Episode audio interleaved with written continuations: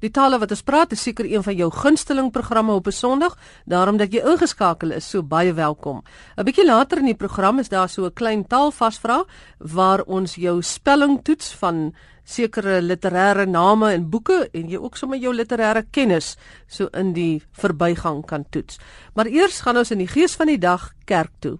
'n Luisteraar het eendag vir my e-pos gestuur en gesê hy wonder waar die woorde preek en predikant vandaan kom, wat die oorspronklike betekenisse is. En dan is daar nog 'n paar ander woorde ook. In die beste persone vir ons hiermee te help is professor Henny Stander. Hy is 'n kenner van antieke tale en hy is van die Universiteit van Pretoria. Ek het vir hom gevra om vir ons eerstens te verduidelik preek en predikant. Mense kan natuurlik na die onmiddellike verlede kyk en sê dit kom uit Nederlands uit die woord predikin byvoorbeeld maar ek dink dit is belangrik om nog verder terug te kyk naamlik na die latynse oorsprong daarvan. In latyn ehm um, uh, is die woord praedictus. Nou praedictus kom van twee latynse woorde af.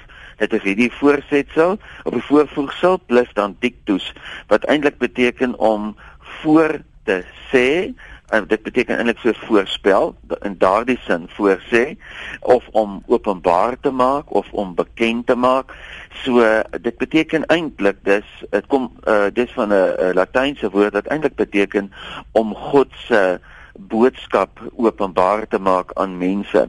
Dis vir my interessant en um, dat die uh, woord profeet eintlik dieselfde betekenis het uh, uh omdat uh, die woord profeet kom weer van Griekse woord af uh ook so voorvoegsel pro en dan die werkwoord femi uh profemi of profetes wat beteken om uh ook te voorspel. En 'n mens moet nou nie dink dat 'n profesie is 'n voorspelling nie. Dit is dat baie so dat baie mense dink dat 'n profesie is 'n voorspelling. Maar as jy na die Bybel kyk en kyk na die Bybelse definisie van 'n profeet, dan is 'n profeet iemand wat God se boodskap aan die uh aan die mense bekend maak.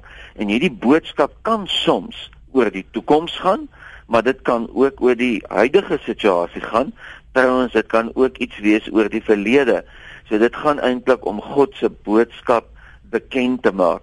En um, omdat hierdie boodskap dikwels te doen het met die toekoms, het mense begin dink dat dit beteken om te voorspel dat 'n profeet uh, iemand is wat voorspel. Maar so beide die woord predikant of dan om te preek uh, en die woord profeet kom albei uh, van die een van die Griekse woorde, die een van die Latynse woord wat onderliggend die basis betekenis daarvan uh, is dan eintlik om openbaar te maak en bekend te maak. Ek wil ook sê daar's ook ander woorde wat natuurlik gebruik word, uh soos dominee en dit kom van die latynse woord dominus af wat beteken 'n heer of 'n meester en dan die woord ehm um, pastoor wat van die latynse woord pastor afkom wat beteken 'n uh, 'n herder om 'n herder te wees en so aan en ook die woord uh, self die woord priester dit kom weer van hulle uh, van die Griekse woord af presbyteros wat beteken om oud te wees.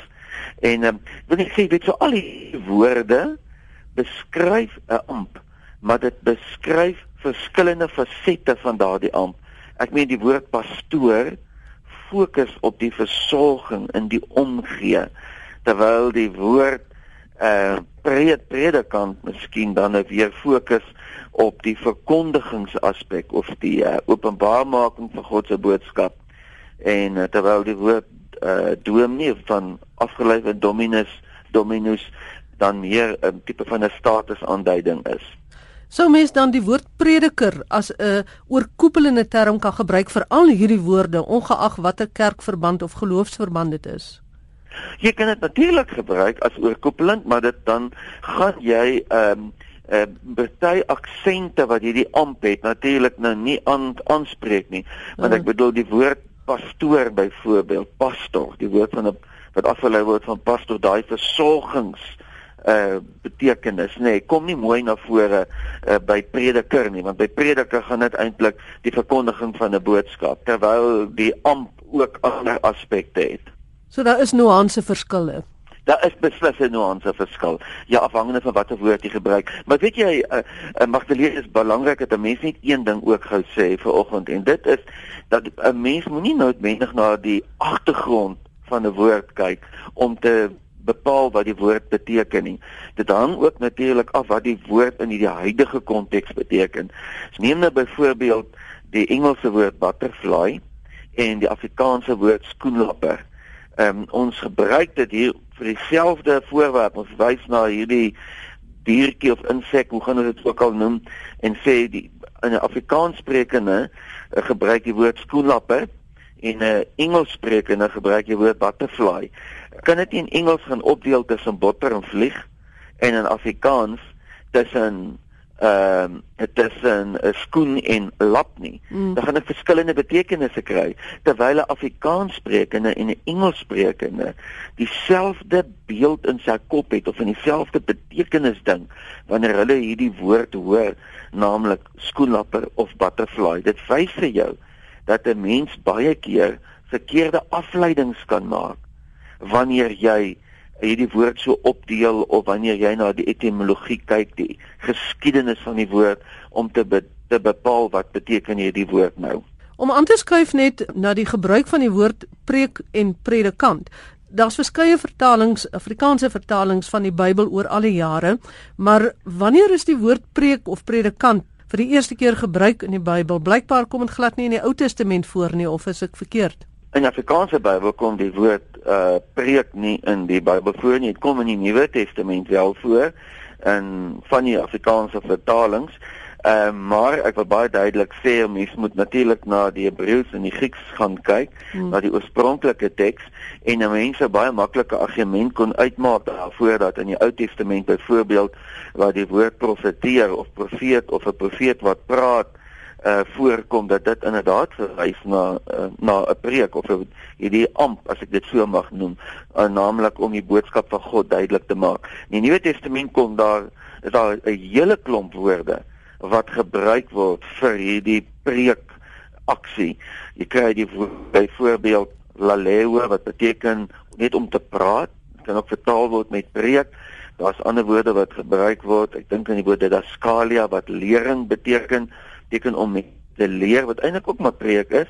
'n Ander woord wat nog baie in die Nuwe Testament voorkom in Grieks nou is keruso wat beteken om te verkondig of om aan te kondig en dit is ook baie keer wat gebruik vertaal word met die woord preek. En daar's ook ander woorde uh in Grieks soos byvoorbeeld om dapper te praat, nê, nee, om en dit word baie keer van die apostels gebruik dat hulle onder moeilike omstandighede dapper opgetree het en dapper gepraat het.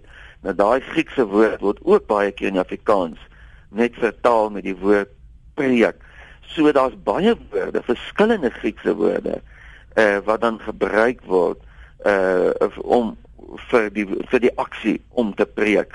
Ehm um, en ja so in die Latynse literatuur van baie vroeg af is dan die woord praedico en ander woorde gebruik uh ook dan vir om te preek, maar daar's ook ander woorde gebruik uh vir vir preek. Jy weet ek wil net dit sê uh die eerste 2, 3 eeue van die vroeë Christendom is in Grieks geskryf. Die uh, geskrifte wat ons uit die eerste 2, 3 eeue het, is hoofsaaklik in Grieks geskryf. So van die 3de eeu af en aan is dit in Latyn geskryf en so die Latyn het dan ook weer die Rooms-Katolieke Kerk 'n sterk inslag ook in ons eie uh, kerk ook hier in Suid-Afrika. Watter woord het Jesus gebruik toe hy op aarde gewandel het? Wel die mense het baie keer aangespreek as rabbi. Hulle het hom ook baie keer aangespreek as meester gesê, jy weet die daskolos wat ook beteken 'n leermeester. En ehm um, ja, so daar is verskillende woorde wat gebruik word. Partykeer is dit ook maar dit partykeer ook net vir hom gesê kurios byvoorbeeld wat heer kan wees, maar dit kan ook vertaal word met meneer So dit is baie keer moeilik om te weet as iemand nou vir hom sê kurios, jy weet is dit nou die woord Heer met 'n hoofletter wat nou gelykstaande is aan God of met 'n meer goddelike betekenis het of is dit nie doodgewoon meneer? Dit kan ook net meneer wees. Net 'n laaste vraag en dit gaan oor kerk en sinagoge. 'n Luisteraar ja. sê vir my dat die Jiddiese benaming vir die plek van samekoms was sinagoge gewees. Maar dis waarskynlik deur die Romeinse deel van die gelowiges toe na kerk verander. Wat is jou kommentaar? Ja, kom ons sê die woord kerk kom van 'n Griekse woord af wat kurios, juis kurios wat Here beteken en die uh, byvoeglike naamwoord daarvan sou gewees het kuriakos wat beteken die Here sin. So, die woord kerk as jy dit etimologies ontleed beteken dit dit is die Here se. Maar daar word ook ander woorde gebruik in die Nuwe Testament vir kerk, naamlik ekklesia wat beteken en as ek dit etimologies gaan ontleed sal dit beteken uitgeroep en word dit 'n kerk is 'n klompie mense uitgeroepenes. Ek wil weer sê bietjie gevaarlik om so te werk met die woord se betekenis te bepaal, maar dit is wat die Griekse woorde beteken en sinagoge is eintlik net omtrent presies dieselfde betekenis. Dit kom van twee ander Griekse woorde af: syn plus ago. En dit beteken om bymekaar te bring. So sinagoge is eintlik net plek van byeenkoms. Dit is wat dit is. En dit is nie net in Joodse konteks gebruik nie. Dit is in baie ander kontekste gebruik, ook in sekulêre kontekste. As jy in die antieke wêreld nou mense sou byeengeroep het vir 'n vergadering, sou jy dit 'n sinagoge genoem het. In 'n woorde 'n sinagoge, 'n sinagoge, 'n byeenkoms genoem het. So daardie woord is nie net die in 'n Joodse konteks gebruik nie, maar ook in 'n sekulêre konteks, in 'n heidense konteks, dit beteken doodgewoon 'n vergadering of 'n byeenkoms van mense. En dan as ek myself as jy myself verskoon Magdalena dat ek net miskien iets sê oor die opmerking dat dit die Romeinse deel van die gelowige is, 'n uh, eh, gelowiges is wat dit na kerk verander het. Jy weet hierdie soort opmerking word baie gemaak en 'n mens moet net onthou dat in die eerste eeue was daar nie 'n Rooms-Katolieke kerk en 'n gereformeerde kerk en ander kerke nie. So die kerk van die eerste eeue was eintlik ons almal se kerk, nê? Nee uh Romeinse kerk beteken nie dat dit 'n kerk was wat in Rome gesetel was. Dan dan die kerk te Rome het baie gesag gehad ook. Uh ook eers 'n bietjie later, nie aanvanklik nie, maar later het hulle mag uitgestrek oor 'n baie baie groot uh gebied en dit is ons se kerk. So om te maak of die Romeinse kerk 'n ander kerk is, as jy praat van die 2de eeu en die 3de eeu, is doodgewoon onhistories. Jy weet of ek nou NG is of Hervormd of Presbyteriaans of Pinkster, jy weet die kerk van die eerste eeue is ook ons eie oerkerk, die eerste kerk waaruit ons eie kerk ontwikkel het. Dit dan professor Henny Stander, hy is 'n uh, kenner van antieke tale van die Universiteit van Pretoria. Ons sluit nou aan by Gerard van Huisteen vir die taal vasvra. Vandag doen ons 'n taalvasvra en 'n gewone vasvra in een. Ek sê die titel van 'n Afrikaanse boek. Jy sê hoe spel ek daardie titel vir 1 punt? En vir nog 'n punt sê jy wie die outeur is. En as jy dan nou sommer 2 bonuspunte wil by hê, dan sê jy in watter jaar die publikasie verskyn het. Dus dit gaan hier oor spelling en oor jou literêre kennis. Kom ons val weg met drie romans Die eerste ene Kaspers en Camparis. Dan Donkermaan en Proteus. En dan drie dramas. Germanicus. Pa maak vir my 'n vleerpa en ten slotte Skrapnel. Om ons te help met hierdie taal vasvra en vasvra, het ek vir professor Johan Anker gevra om ons te kom help. Nou Johan Anker is 'n voormalige ondervoorsitter van die Taalkommissie en hy doseer Afrikaans op die Wellington kampus van die Kaapse Skiereiland se Universiteit van Tegnologie. Johan, kom ons val weg met Kaspers en Camparis. Ja, Kaspers en Camparis is deur Etienne van Heerden geskryf. 1991 reeds verskyn een van daai dik boeke wat jy met 'n kruiwa moet aanry van die biblioteek af. maar wat nogal heel ontspanne lees. Uh Kaspers en Camparis albei daardie woorde met 'n C, 'n hoofletter C, omdat dit die titel van die boek is. Kaspers het ook 'n dubbel S, so dis C A S S P I R S en nie P E R S nie. En dit verwys na die gevegsvoertuie wat die weermag in die 80er jare gebruik het. Camparis ook met die hoofletter C en met 'n afkappings S, so dis C A M P A R I en dan 'n afkappings S soos baie van die Italiaanse woorde in Afrikaans. Daardie Camparis is 'n likeur wat 'n mens dan ook blykbaar 'n ligte drankie kan maak eh, met sodawater by en so in 'n vroeg aand kan drink saam met iets om te eet. So dit verwys eintlik na twee heeltemal verskillende dinge, 'n soort geweldsaspek die Kaspers en dan die vermaaklikheidsaspek die Camparis. Wat natuurlik 'n tema ook is in die boek van hom. Baie sterk tema in daardie boek. Ehm um, die volgende was Donkermaan. Donkermaan een woord vasgeskryf, spesifieke soort verskynsel van die maan, ook die titel van die boek en dis ook hoofletter geskryf deur Andrei P Brink in die jaar 2000. Uh Andrei Brink skryf self dat hy maar die P later moes bysit want daar was 'n ander Brink Andrei Brink wat ook in daardie tyd geskryf het. As ek reg het, dan staan daardie P vir Philippus. Dan kom ons by Proteus. Proteus, geskryf deur Dion Meyer in die jaar 2002 reeds verskyn baie lekker uh speurruller met die motorfiets amper as 'n soort karakter. Proteus met 'n hoofletter en dan Proteus ook sonder die H met ander woorde P R O T E U S. Ek het gaan naslaan en selfs in die Engels skryf hulle dit sonder die H terwyl ons in baie Afrikaanse woorde waar ons na die Grieks verwys die T H soms gebruik en soms nie die T. Maar in hierdie geval dan nie die T En ons moet dit dus nie me, verwar met Prometheus wat wel met 'n TH geskryf word nie. Ja, daar is ons 'n baie spesifieke spelling vir een van die ander gode. Proteus is spesifiek een van die seegode wat blykbaar heeltemal van gedaante kon verander om sekere dinge te vermy. Dan kom ons by die dramas Germanicus. Germanicus omdat dit eie naam is met 'n hoofletter en dan met 'n C omdat dit maar 'n latynse uitgang daar is, die Germanicus, soos ons sal kry by Copernicus ook. Geskryf deur NP van Wyk Lou reeds in 1956, een van sy groot tragedies, een van die groot tragedies in Afrikaans. En dan interessant as mense nou na spelling kyk, is dit NP van Wyk Lou, dit is 3 woorde van Wyk Lou. Die van met 'n klein letter omdat daar klein letter V, omdat daar 'n NP uh, voorletters is en die wyk is dan met 'n hoofletter W en lou ook. Hierdie vanne met die van in Afrikaans uh, skep nogal probleme vir mense. Soos uh dit van wyk en van der Merwe en van Suidel. Wanneer slegs die van gebruik word, spel ons die V met 'n hoofletter, meneer van wyk. Maar wanneer daar voorletters voorkom of 'n naam dan word daardie van met 'n klein letter V gespel. En dit is nogal altyd een van die vangplekke aan vraestelle en een van die spelfoute wat mense dikwels maak.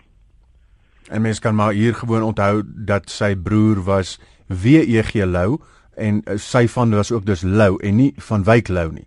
Ja, van Wyk word uh, eintlik was dit een van die voorname van sy vorige familie wat uit van Wyk nou bygekom het. Goed. Dan kom um, ons by pa maak vir my 'n vleer pa. Interessant want daar het ons twee keer die pa en albei met 'n hoofletter want dit is die aanspreekvorm. Pa, komma, maak vir my 'n vleer, komma, pa. En die vleer dan met die deelteken omdat ons daar die opeenhoping van die vokale het, die i, e, e en 'n mens sou kon twyfel oor waar die skeiding van die lettergreep voorkom. Mens kan baie mooi gaan lees oor die deeltekenreël in die AWS hoofstuk 5. Ek dink is reël 5.1. Dan Chris Barnard is die skrywer reeds in 1964. Dan die laaste enetjie so 'n bietjie tong in die kies Skrapnel. Skrapnel sal 'n mens met 'n hoofletter spel. Dit is die titel van daardie drama. S K R A P N E L is geskryf deur Willem Anker wat ek weet nie of dit sê toevallig my seun is nie. Ek het die drama baie geniet. Dit het dit in 2011 verskyn of gepubliseer. Wat interessant is oor die titel is iemand het gevra waar die woord vandaan kom, skrapnel. Dis eintlik doodgewoon die vernoeming na die persoon wat deur die bom of granaat ontwerp het generaal Henry Shrapnel. So in Engels is dit shrapnel en dit word doodgewoon sy van op daardie manier geskryf. Johan baie dankie. Ons praat graag 'n volgende keer verder.